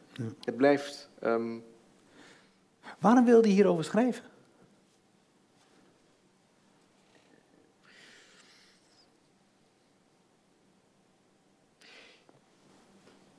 Nou, toen ik in, in, in Rotterdam was met die, met die crisisdienst, heb ik daar een, een, een meisje meegemaakt die een zelfmoordpoging had gedaan. Ongeveer zo oud als die jongen in dat boek. En dat beeld en die vader, ik heb er ook wel over geschreven in Moedervlekken, maar dat hele verhaal liet me gewoon niet los. En daardoor ga je toch afvragen, ja, wat doet dat met een vader als je kind, als je kind uit wil stappen? En dat meisje zei ook, uh, ik zou het weer doen toen ze gevraagd werd of ze, het, of ze spijt had. Jaren later, een paar jaar, anderhalf jaar later, heeft die vader mij gecontacteerd en heb ik nog een keer met hem afgesproken. En toen was hij eigenlijk een hele bittere man ook, bleek te zijn. Hij was, hij, ik, het choqueerde me echt. Hij zei van ja, eigenlijk moeten mensen die een aanleg hebben voor um, mentale problemen, moeten gesteriliseerd worden. Dus het, ik had over zichzelf? En over zijn vrouw, hij had het, ja. Oh. Dus het was, ik bedoel, ik denk Want, ook... Leefde zijn dochter nog? Zijn dochter leefde nog, maar in een, in een inrichting. Jeetje. Ja. Dus dat vond ik... Toen was ik al bezig met goede mannen. Dus hij gaat er heel maar, anders mee om dan... Maar, ja, maar, op dat moment eh, praat je met een e-, echt mens... Ja. die wel heel consequent iets doortrekt. Bijna als een Grunberg-personage. Ja, het was ook, ik, bedoel, ik was ook heel verbaasd dat hij met mij contact had gezocht. Ik had erover geschreven in NRC. Hij had toestemming gegeven. Hmm. Het meisje had toestemming gegeven, dat is terwijl ze daar lag. Um, En toen had hij dat gelezen en hij zei, ja, ik, ik kan me bepaalde dingen niet herinneren van die avond. Misschien heb jij aanvullende informatie. Het had iets heel absurds. Hmm. Misschien heb jij aanvullende informatie, weet je nog wat er gezegd is? Want hij, het meisje had ook gezegd, ik wil niet dat mijn vader bij het gesprek is met de hmm. psychiater. Hmm. Ehm, ja. Maar eigenlijk dus, ik denk, ik denk dat, dat, dat toen die, die kiem is gelegd, hoewel zelfmoord natuurlijk ook al een rol speelt in mijn vorige boek Moedervlekken, dat ik toch dacht, ik wil een boek schrijven, echt, ik wil nagaan, wat doet het met een vader als een kind zelfmoord pleegt op die leeftijd? En hoe, wat doet dat met het gezin? Wat, hmm. wat, hoe gaat een gezin daarmee om? Dat was, nou, dat was voor mij het uitgangspunt van, van dit boek. Ja. Um, ja. Alles bevriest. Um, die, die, jongen heeft een, uh, die jongen wil een pony, pony, uh, een klein paardje. Pony, ja. Pony? Pony? Ja. Oh, pony? Ja, ja, ik, ja. ja ik pony. pony, maar pony. Pony, je hebt gelijk, pony? Ja, ja pony. Ja, pony hangt aan je... Uh, ja. Mijn dochter heeft een pony. ja, geen pony. pony en uh, nou, die krijgt hij ook. En dat is ook een scène... Ja, laat ik zo zeggen, die, die stallen ze dan bij een boer. En die boer die is gehandicapt, dus een vreselijke man. Een, een antisemiet. Ehm, toch, toch, blijft hij vol terugkomen en het allemaal. Hij is heel tolerant. Ik heb soms wel de van jeetje, Mina, voor, voor zo'n stoere man ben accepteer je wel echt alles van mensen zo'n beetje. Vanuit je goede inborst. Um, maar ook voor die zoon. Die zoon die, uh, die is dan heel blij met zijn uh, pony. Nou, die zoon gaat, overlijdt. En dan is die pony er nog. Dat kost ontzettend veel geld, zo'n zo'n beeststallen. Ja. Heb jij natuurlijk allemaal uitgezocht, kan niet anders. Ik heb daar ervaring mee. Je hebt ervaring mee. en, dan, en, dan, en dan komt er een scène. Ja, ik, voor mij het hoogtepunt van het boek. Uh, een van de hoogtepunten voor mij het hoogtepunt van het boek is dat hij uiteindelijk na heel veel delibereren besluit om het uh, dier naar het slachthuis te brengen. Ja. En dan komt. die, die, pony is natuurlijk voor die jongen. Die jongen, er is natuurlijk niemand. Er zit een, voor een zelfmoord zit een verhaal aan vooraf. En die jongen die heeft eigenlijk alleen maar contact met dat dier. Die praat met dat dier. Dan gaat die jongen dood en die, die, iedereen vergeet die pony. Eigenlijk ja. schrijven we zelf ook, maar die pony is er dan nog. En die pony was kreupel, want hij was in de sloot gevallen. En uh, er was een, met, een, met heel veel met soort acupunctuur voor paarden, ja. had die pony gered. En op ja, die rekening is, die pony is er nog. En er moet iets mee gebeuren. En die boer zegt, ja, nu die jongen niet meer is, naar het slachten, naar de paardenslager. En, en die, de Pool die ziet in die pony toch een overblijfsel van zijn zoon. En hij gaat, hij gaat naar die stal. En eigenlijk zijn rouwproces begint in die stal. Hij gaat daarnaast die pony staan. Ja. En hij zegt van God, hij is ook heel boos op het dier, want hij weet dat zijn zoon met dat dier heeft gepraat en niet met hem. Dus hij wil dat die pony, hij zegt van waarom spreek je niet met mij? Maar hij vindt dat toch een soort rust in die stal. Hij vindt dat toch een soort van troost bij die pony. Maar dat beest moet dood, want die vrouw zegt we moeten er vanaf, het is te duur. Ja. En dan brengt ze naar het slachthuis. Ja. Jij bent in het slachthuis geweest. Ja. Um, ik, ik, ik, heb, ik had niet het gevoel dat we, voor mij was het daar de kern van de roman, of de kern van jouw schrijverschap, dat jij ons echt met heel veel compassie uitnodigt om te kijken naar datgene wat we eigenlijk niet willen zien, namelijk dat het de thema's die jij behandelt, maar terugbracht tot het beeld van we wat we niet willen zien is hoe het beest geslacht wordt. En uh, de, de slachter in dat boek. Het verhaal, die, die wil die man ook weghouden van dat slachten. De, de Pol wil dat zien. Hij wil daarbij zijn. En die slachter, die ziet het bijna als een morele taak om hem weg te houden van de waarheid. Ja, hij is natuurlijk ook bang. Hij denkt dat is weer zo'n dierenactivist ja, oh, ja, ja, die, die, dan filmpjes op YouTube gaat zetten. Ja. En, en die zegt, nee, dat ben ik niet, ik wil erbij nee, zijn. hij zegt, maar de Pol voelt natuurlijk ook... Je kan zeggen, die Pony is een erzatszoon geworden. Mm. En hij wil dan, hij mm. zegt, ik ga met jou die laatste weg. Ik loop die laatste weg met jou mee. Dus het offer van Abraham wordt Ja, toch... en gaat, eigenlijk toch, hij gaat tot het eind. Een beetje alsof hij met Antigone naar haar dood loopt. Hij mm-hmm. zegt, ik ga mee. Ik ga met die pony tot het laatst blijf ik bij je, want jij bent bij mijn zoon gebleven. En dat vond ik zelf eigenlijk best, ja, best ontroerend ook. En ik kan me ook wel voorstellen, en ik, komt, ik weet natuurlijk, hij heeft geen idee waar hij in terecht komt als hij in zo'n slachthuis komt. Maar hij gaat wel met die pony mee tot het eind. Ja. Je bent echt in zo'n slachthuis geweest en uh, ik, jaren negentig uh, zat ik ook in het slagerijvak. Carrière switch gemaakt. Mijn vader heeft de slagerij in Rotterdam. en, uh, en, en, wij gingen op zaterdagochtend gingen we naar een slachthuis in de buurt van Gouda. Heel moesten we dan vijf uur, zes uur ons nest uit. Ik vond het verschrikkelijk, omdat dan, uh, nou ja, zaterdagochtend moest ik kinderarbeid verrichten. Het slagerij van mijn vader. Maar dan moesten we ook nog naar het slachthuis. En dan kwam je aan en dan hadden die mannen dan koffie te drinken. Dat zal ik nooit vergeten. Die mannen gingen dan een dag in met, met ja, ik, weet, ik, wist niet, ik weet niet of ze echt gingen slachten op zaterdag. Maar er werd dan vlees uitgeleverd en dan hadden ze koffie te drinken. Met van die, en alle attributen stonden klaar. En dan, dan liepen we langs een emmertje. En hadden ze, in, in die emmer hadden ze dan... Uh, de, uh? Nou ja, de mild. mild. De mild van dieren. Die kon je dan meenemen. Ja. En, wat ik dan nooit zal vergeten was, wij kwamen dan niet waar, waar geslacht werd, want we haalden wat op. Dat je dan door een, door een, door zo, ehm, zo, zo van, die, van die plastic lappen, ja. die dan zo hangen en over elkaar liggen. En, dat doorheen, en, toen ik, en jij beschrijft dat, hè? Jij, dus jij, jij, bent daar geweest. Wat doet dat, wat doet dat met je als je door, zo'n, zo, zo'n, door die lappen gaat? Want ik, kreeg, ik vond dat heel spannend. Ja, ik, het slachthuis vond ik, ik ben in drie verschillende slachthuizen geweest. Een grote varkensslachterij bij Nieuwegein. Een kleine koeien, paarden, geiten en lammerenslachterij in Noord-Holland. En nog een biologische koeienslachterij in Duitsland. En zijn, ik bedoel, de industriële varkensslachten gaat, gaat eigenlijk weer heel anders. Uh, maar die kleine slachterij daar in Noord-Holland, dat, ja, die eerste, dat was mijn eerste ervaring in het slachthuis ook.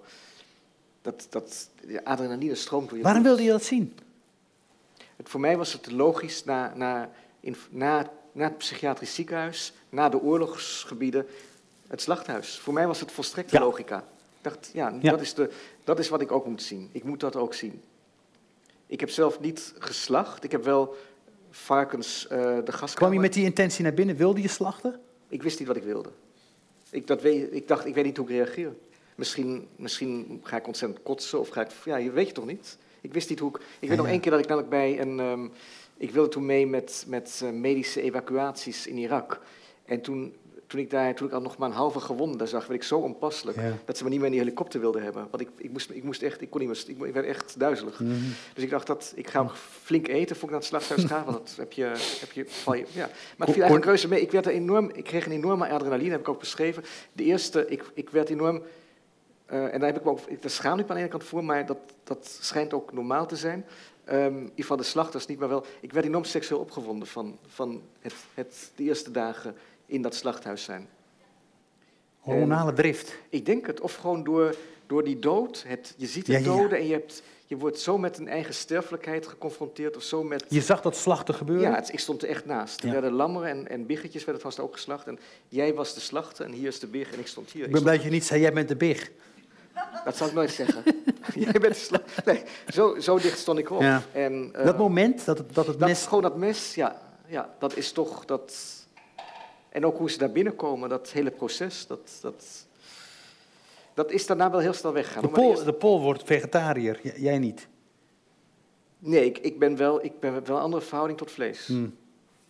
En sowieso, wat, dat zijn ze ook, ik bedoel, uh, ja, ik wil, ik, ik, de vraag is, we moeten niet over die discussie nee, aangaan of je vlees moet eten of niet. Maar het is wel zo dat, dat hmm. de vraag is, wat voor leven heb je voor uh, het slachten? En over het algemeen, de varkens hebben het, het naaste leven. Ja, ja. En ik, sowieso, ik eet geen varkensvlees. Ja. hoe, hoe, heeft het dat, dat, die, die ervaring in het slachthuis jouw schrijverschap verrijkt? Nou, in, in, gewoon die shock dat je daar, dat je daar zo... Die adrenaline die door je heen gaat, dat is natuurlijk een ongelofelijke shock. En ook die slachters, um, dat bleken uiteraard hele aardige mensen. Die ook zeiden van, jij, wij, ik doe dit omdat ik van dieren hou. Dat, want je kunt een dier, Bob, Bob uit, um, uit de Rijp, daar was een slag, zei van, je kunt een dier de vernielingen helpen, of je kunt een dier zachtjes over de drempel heen helpen. Ja, precies, ja. En is dat ook wel, ik, ik zag ook wel het verschil hoe de een een dier doodt en de ander. Ja. Je kan dat met meer compassie doen en met minder compassie. Ook omdat je, afhankelijk van hoe bang je bent. Um, bij die grote varkensslachten, ja, er waren er ja. wat vooral Afrikanen die het echt slachten deden. En dat is zo'n geïndustrialiseerd proces, dat komt het eigenlijk, is weer heel anders. In zekere zin kan je zeggen dat ik daar gedood heb, doordat ik de varkens in de gaslift heb gedreven. Heel humaan. Hm. We hadden een, een, een, veeboer, Wennekers, meneer Wenneker uit Woerden. En die had dan een stuk grond en daar, stonden dan zijn koeien. En een week, twee weken later werden die bij ons binnengedragen. En toen vroeg ik hem op een dag, meneer Wennekers, heeft u wel eens heeft u, wel eens, heeft u een gevoel bij, bij zo'n koe? Dat hij dat die, naar het slachthuis moet. Toen zei hij van ja, ik heb, ik heb wel eens dat ik zo'n koe mis op het weiland. Dat ik denk, nou hij is weg, dat ik hem mis. En toen zei mijn vader, nou ik geloof er helemaal niks van. Nee. Dat, hij, dat is allemaal sentimenteel. Maar ik, gaf, ik geef meneer Wennekes wat voordeel van de twijfel, want hij keek er zo mooi bij. Eet jij nog vlees? Ja, ja, ik eet ontzettend veel vlees. Oh, ja, ja, vlees is mijn woorden? Oké. Nou, maar ik eet wel minder vlees. Ja, maar dat, dat komt door. Dat, dat, dat heeft meer te maken met, uh, met, met, met mijn relatie, mijn huwelijk. Jouw vrouw eet. Ik had vroeg, toen, toen ik mijn vrouw leerde kennen, toen, uh, toen kwam ze bij mij op bezoek. Op een gegeven moment, ik, in het begin maakte ik pannenkoeken voor haar, ja. maar die, die, liet ik, die, die brandden aan. Oh, ja. Zei ze, nou doe maar niet. Toen begon ik biefstuk voor haar te bakken. De, de eerste keer dat ze bij me kwam, biefstuk. De tweede keer biefstuk. En de derde keer gaf ik haar weer biefstuk. En zei ze, nou, als je het niet erg vindt, heb ik een broodje kaas. En, en ben ik daarna is zeg maar, de aan de lijn ingezet, ja. Maar het geluk is wel toegenomen. Oh ja, ja zeker. Ja, zeker, zeker. Ja, nee, ja, ja, ja. Nou, niet, niet, niet, minder ongeluk. Minder ongeluk. laten we niet uh, nee, moet, nee. in de sfeer van het boek. Um, eigenlijk, ja, ik, we moeten afronden. Want het is, alweer, het is de, kwart voor bijna. Uh, de Pol gaat verder in, in zijn leidensproces.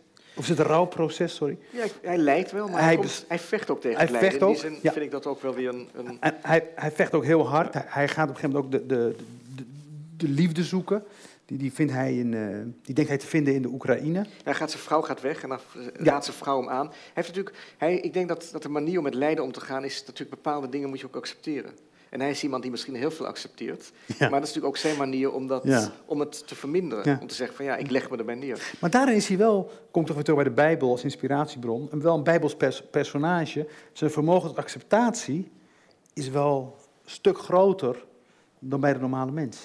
Dat maakt hem wel tot een held. Het is natuurlijk de vraag wat je moet accepteren en wat niet. En waar tegen je. Maar ik denk dat in onze samenleving is het idee dat, dat eigenlijk niets, dat je niets moet accepteren. Dat alles dat alles veranderd kan worden, dat er altijd wel... En ik denk dat heeft iets heel ongezonds en iets heel... Het idee dat je het tragische uit het leven kan halen heeft iets ongezonds of heeft iets gevaarlijks. Ik denk dat het leven is per definitie tragisch en dat moet je helemaal niet um, willen ontkennen. Ik denk dat je dat, dat moet accepteren en dat je vanuit die positie um, dat kan, moet willen veranderen wat je kan veranderen. Ik ben heel blij dat je ons met, met, ook met dit laatste boek bij de les, bij de les Dank je. Dankjewel. Ik had nog één, want ik had afgesproken, normaal doe je dat misschien niet, maar ik vind altijd aardig om het publiek even de kans te bieden. Ja, tuurlijk, dat is een heel goed. Fantastisch. Mochten er vragen Goed zijn, idee. ja. ja. Misschien zijn er helemaal geen vragen. Zijn er vragen? Hele verschrikkelijke zijn er vragen. Jij bent ook mensendokter. Ik ben ook. Dus ja, we kunnen ook gewoon. Heeft u een vraag over ingegroeide teennagel? uh, wilt, u nog, wilt u een leuke film zien? Uh, een, een, mooi? Of, of, over dit gesprek. Wilt u weten waar je in de koopjeshoek van de IKEA wat kan vinden? Dan kan dat gewoon aan de. Ja, daar achterin is een vraag. Kunt u opstaan, alstublieft? Ja. Nee, ik, ik, versta u echt niet. Misschien, uh, hoe gaan we dit doen? De titel van de film die, die, die je noemde. Over de oorlog. Ah, de Hurtlocker. De Hurtlocker, de Hurtlocker, ja. ja. Dat gaat over die meneer die bommen ontklaarmaakt. Ja, een vrouwelijke regisseuse, ik ben even de naam kwijt, maar ongetwijfeld zit er Bigelow? iemand... Ja, dankjewel. Goeie film. Ja, hele goede film. Normaal doe je ook een quiz, hè? Want je was zo snel. Ja, nee, ik weet niet, die, doe geen quizzen meer. Okay. Nee. Nee, quiz. Nog meer vragen? Ja, daar is ook een vraag. Uh, ik heb even een hele nare associatie gehad. Zojuist toen u zei, in die slachterij heb ik op een min of meer humane wijze dieren in een gaslicht geleid. En toen die hele nare associatie. Ik, dat begrijp ik. Maar in die industriële slachterij waar ik was, de varkens worden, voor ze de halsslagader wordt doorgesneden, worden ze verdoofd in een gaslift. Die lift, en humaan bedoelde ik, je kan, die, je kan de varkens in de lift drijven door ze te slaan.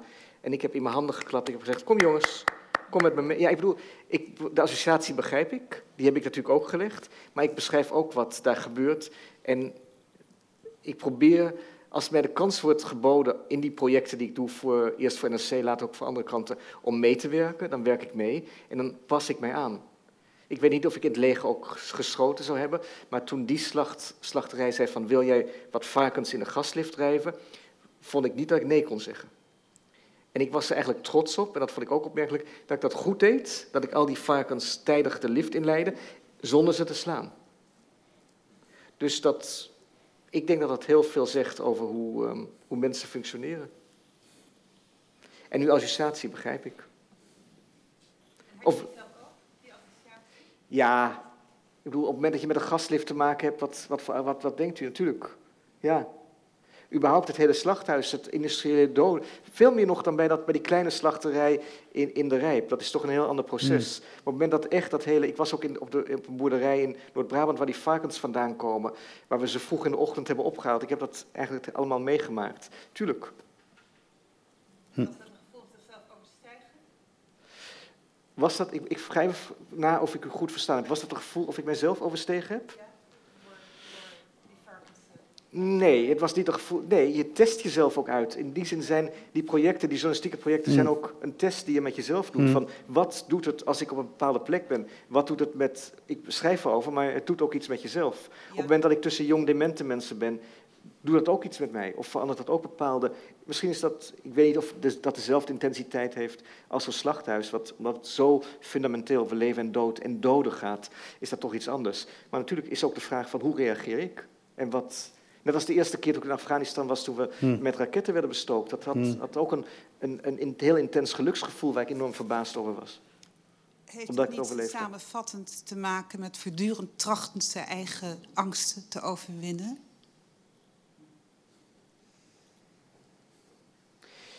door deze uit te lokken? Ik denk dat het overwinnen van de eigen angsten, en dat is naar mijn idee altijd door precies dat te doen waar je bang voor bent, is een van de dingen die mij althans het gelukkigst maakt in het leven.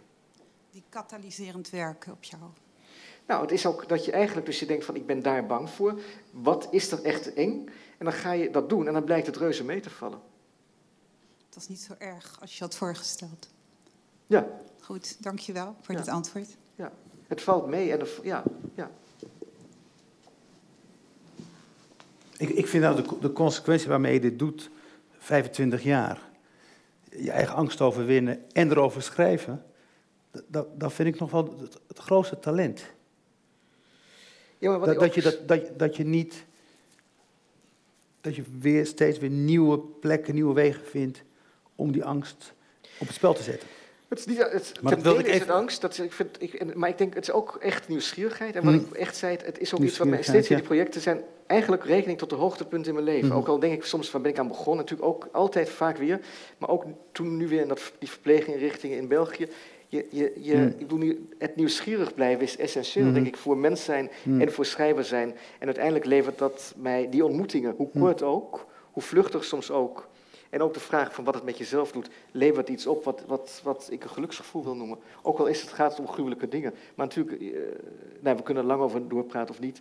Het is, het is meer, ik denk het is ten dele het overwinnen van angst, maar het is niet alleen dat. Het is ook kijken van hoe leeft de ander? Hoe doet iemand anders dat?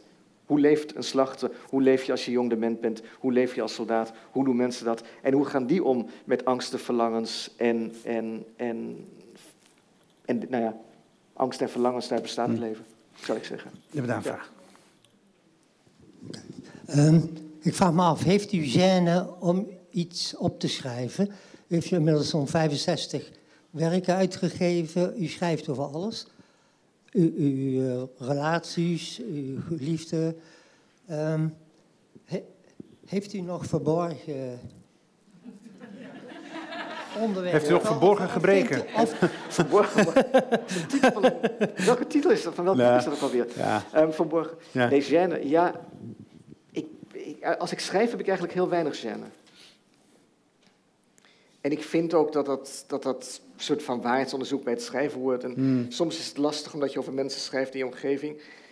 En natuurlijk zijn er ook wel dingen die ik schrijf die ik niet opschrijf. Het zou heel raar zijn als ik alles zou opschrijven. Dat kan ook bijna niet. Ik, niemand is zonder geheimen. Maar ik voel, die, ik voel die gêne niet zo. Nee, maar dat had ik eigenlijk ook al bij Blauwe Maandagen. Hm. Op het moment dat ik dacht van, het maakt mij niet uit. Hm. De mensen denken toch slecht over me, dus kan ik het beter allemaal opschrijven. ja, ik denk dat dat idee heeft me nooit verlaten. Van ik denk, ja, ja. Ik vind er zeker, ik denk niet elke schaamte, schaamteloosheid moet in de literatuur nog wel een vorm vinden en een stijl. Maar ik, ik voor mij, in het dagelijks leven word je voortdurend geconfronteerd met schaamte. En het schrijven is eigenlijk de antido, is daar het moment waarop je mm. al die schaamte van je afzet. Waarop je de schaamte overwint en waarop je ook de, de vrome leugens die met die schaamte te maken hebben, eigenlijk radicaal opzij schrijft. Zo zie ik dat. Mevrouw? Ja, er komt de microfoon naar u toe. Ja. Het lijkt wel erop of het schrijven gewoon uw therapie is. En terwijl je eigenlijk met mensen zit en dat u verweten wordt dat u niet open bent, dat u zich daar niet aan overgeeft, heeft u wel gewoon een grote openheid wanneer u schrijft. Ik vind schrijven als therapie. Voor mij is schrijven nooit primair therapie geweest. Niet bewust. Ik, wil, ik heb altijd geschreven met het idee een lezer te bereiken en met een lezer te communiceren. Ik heb nooit, voor me, ik heb nooit een dagboek bijgehouden. Ik wil altijd, voor mij was schrijven toch altijd ook essentieel een communicatie. Het was voor iemand anders bedoeld. Ehm, dat het zowel voor de lezer als voor de schrijver allicht ook therapeutische neveneffecten heeft, ben ik steeds minder erg gaan vinden. In het begin van mijn carrière was ik daar veel allergischer voor. Hmm. Dat zou kunnen. Ik weet niet wie ik, het is een interessante hypothetische vraag. Wie zou ik zijn zonder het schrijven? Wat voor iemand zou ik zijn geweest? Dat, dat weet ik niet. Ik denk een, een, een minder leuk en aangenaam mens. Ja. Vrees ik wel. Maar ik. ik ja, ben, maar het is. Ben jij, jij, jij kon je polemieken on, ongenadig hard uithalen. Ik heb het gevoel dat Arno Grunberg van de laatste paar jaar milder is geworden. Of misschien geen behoefte meer voelt om zo hard uit te halen. Nou, twee dingen daarover. De cultuur is veranderd. Tegenwoordig iedereen haalt huid uit. En dat vind ik eigenlijk zo onaangenaam. Hmm. En er zit ook iets in... Oké. Ja. Als anderen het doen... Nou, ook echt op dacht ik ja. En, in, ja. en er was natuurlijk ook... Ik vind, het uithalen moet je naar boven, niet, niet, niet naar beneden. Ja. En... Um, er was, kijk, er zat wel iets in mij. Mijn moeder had altijd gezegd van dat ik me niet zelf kon verdedigen ik denk achteraf dat, dat ik ook wel toch wilde bewijzen dat ik dat wel degelijk kon. Dat er wel iets in mij zit dat ik me kan verdedigen. En dat als het nodig is, ik ook hard kan uithalen. Maar ik denk het echt, van, ik, was, ik was een grote bewonderaar van de polemieken van Hermans en ook van mm. Brand Korstius. Mm. En op een gegeven moment zie je gewoon dat, die, dat dat niet meer de meest effectieve manier mm. is om... Um, om polemiek te bedrijven. Dus ik weet niet of ik echt milder ben geworden, maar ik denk dat nu een ironie en ook over heel veel dingen, ja, ik, weet nog dat ik dacht van, god, uh, Siegfried van Mulis, dat vond ik een heel slecht boek. En dat moest ik rechtzetten, want de recensenten vonden het wel goed. En nu is dat, ja, die rol van recensent is ook anders geworden. Dus ik denk, ja, daar zou ik me nu niet meer zo druk om maken. Nog even terug naar die therapie, want dat zit me toch een beetje dwars als mensen denken dat het allemaal therapie is. Ik denk dat het ook, het is niet dat ik, dat ik iets van me afschrijf, maar ik denk wel degelijk dat, dat, dat, um, dat de relatie tussen schrijven tekst en lezen, dat het voor alle betrokkenen, nou ja, de tekst zelf is een dood ding misschien, uh, een, een, therapeutische waarde kan hebben. Ja. Dus dat, dat, dat, dat, dat, ik, ik, zie mezelf liever als psychiater en de lezer als patiënt, maar u mag dat ook omdraaien. ja. Wat zei u? Ik ben een, echt een individualistisch persoon. Maar het blijkt dus gewoon dat je toch compensatie zoekt, al is het maar om te schrijven en in contact te komen met andere mensen. Ja, maar dan dus- begrijpt u mij verkeerd. Want ik bedoel niet met een, individualistisch een individualist dat ik een kluisenaar ben. Helemaal niet. Maar dat ik het niet over een wij heb. Ik praat mhm. niet namens anderen, ik praat namens mijzelf. Mhm. En ik vind dat wij, ik ben ik wil dat niet, dat is ook of je het over alle mensen moet hebben, maar ik denk toch dat alle mensen, ongeacht religie, afkomst, huidskleur, wat dan ook, meer met elkaar gemeen hebben, dat de, dat de overeenkomsten veel wezenlijker mm. zijn dan de verschillen. Dus ik heb minder de neiging om te zeggen van, nou ja, wij Amsterdammers, wij Nederlanders, wij wat dan ook, uh, wij mannen, wij.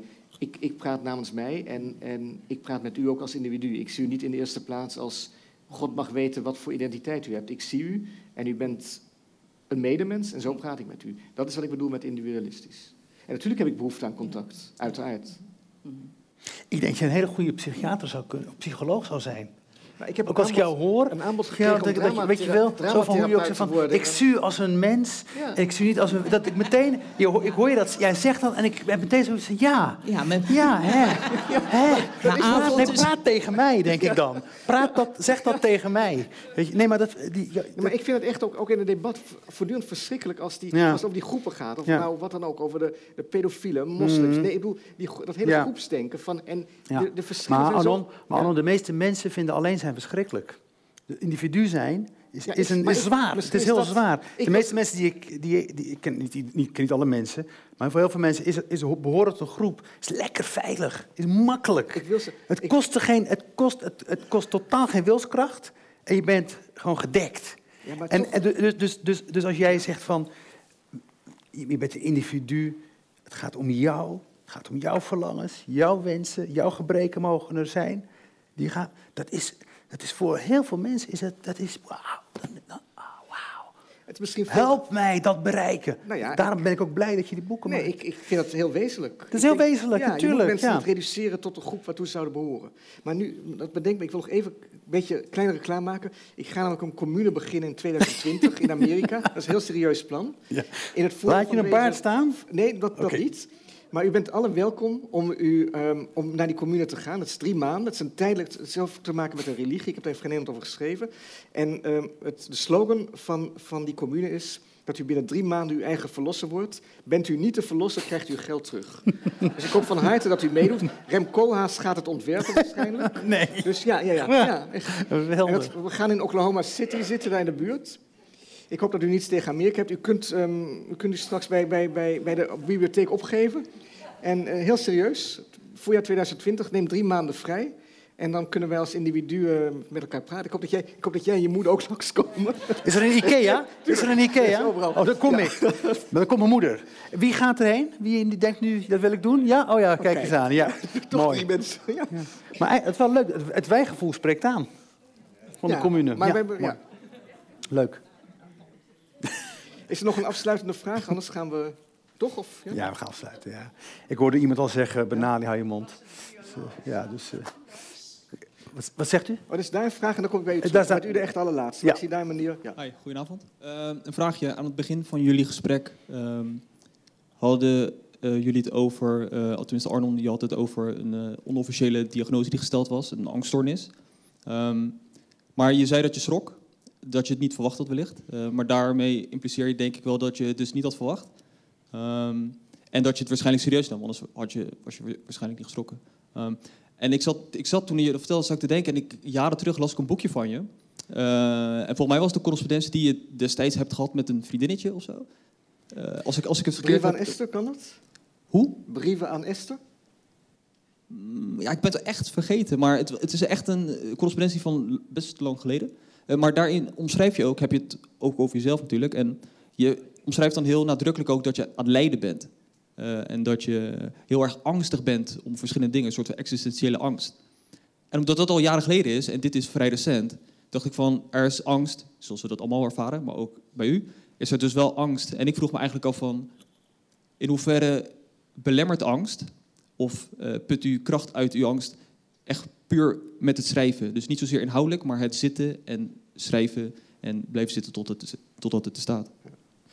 Die brieven, ik denk dat, u het heeft, dat jij het hebt over brieven die ik schreef aan het eind van mijn puberteit.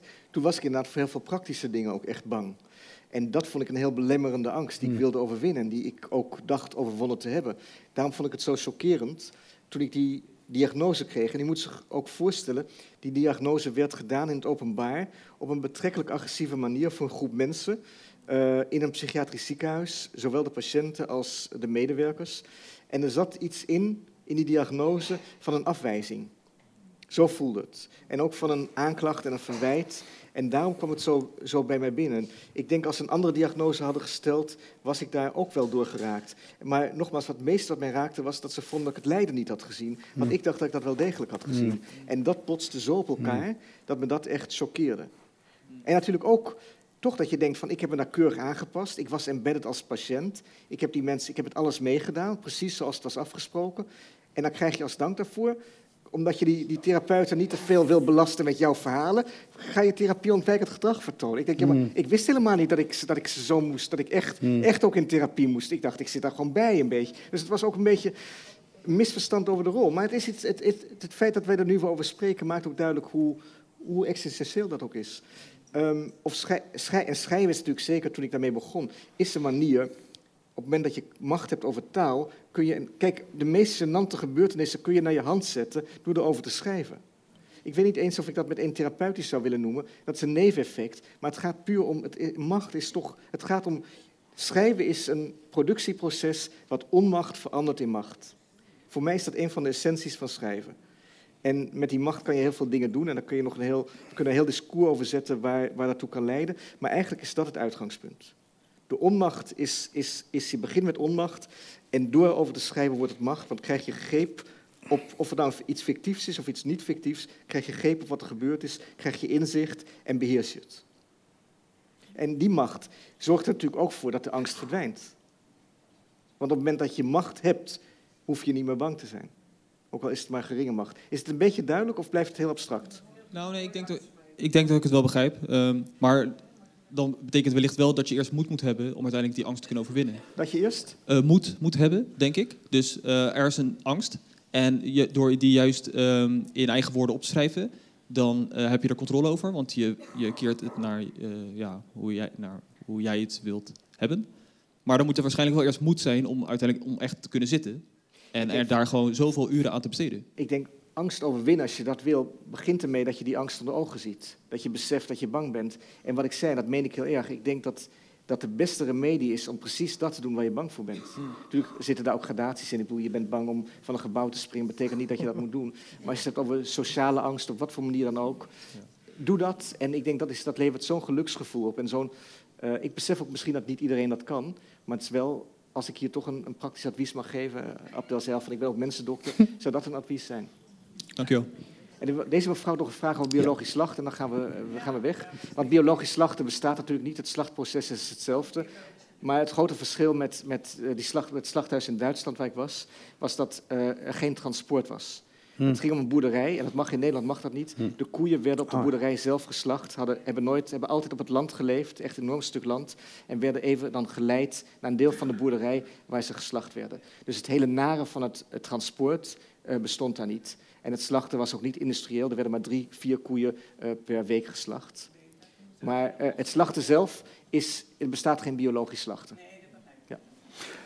Oké, okay, dank u wel voor deze, voor deze prachtige vragen. Dank je wel voor de mooie antwoorden, Arnold. Bedankt voor het leuke interview. En één afspraak, de volgende keer dat je zie is in de IKEA. Bij de IKEA, precies.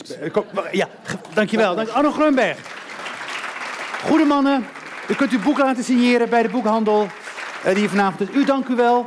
Hopelijk het volgend jaar. Tot ziens. Je luistert naar de podcast van Bibliotheek Den Haag.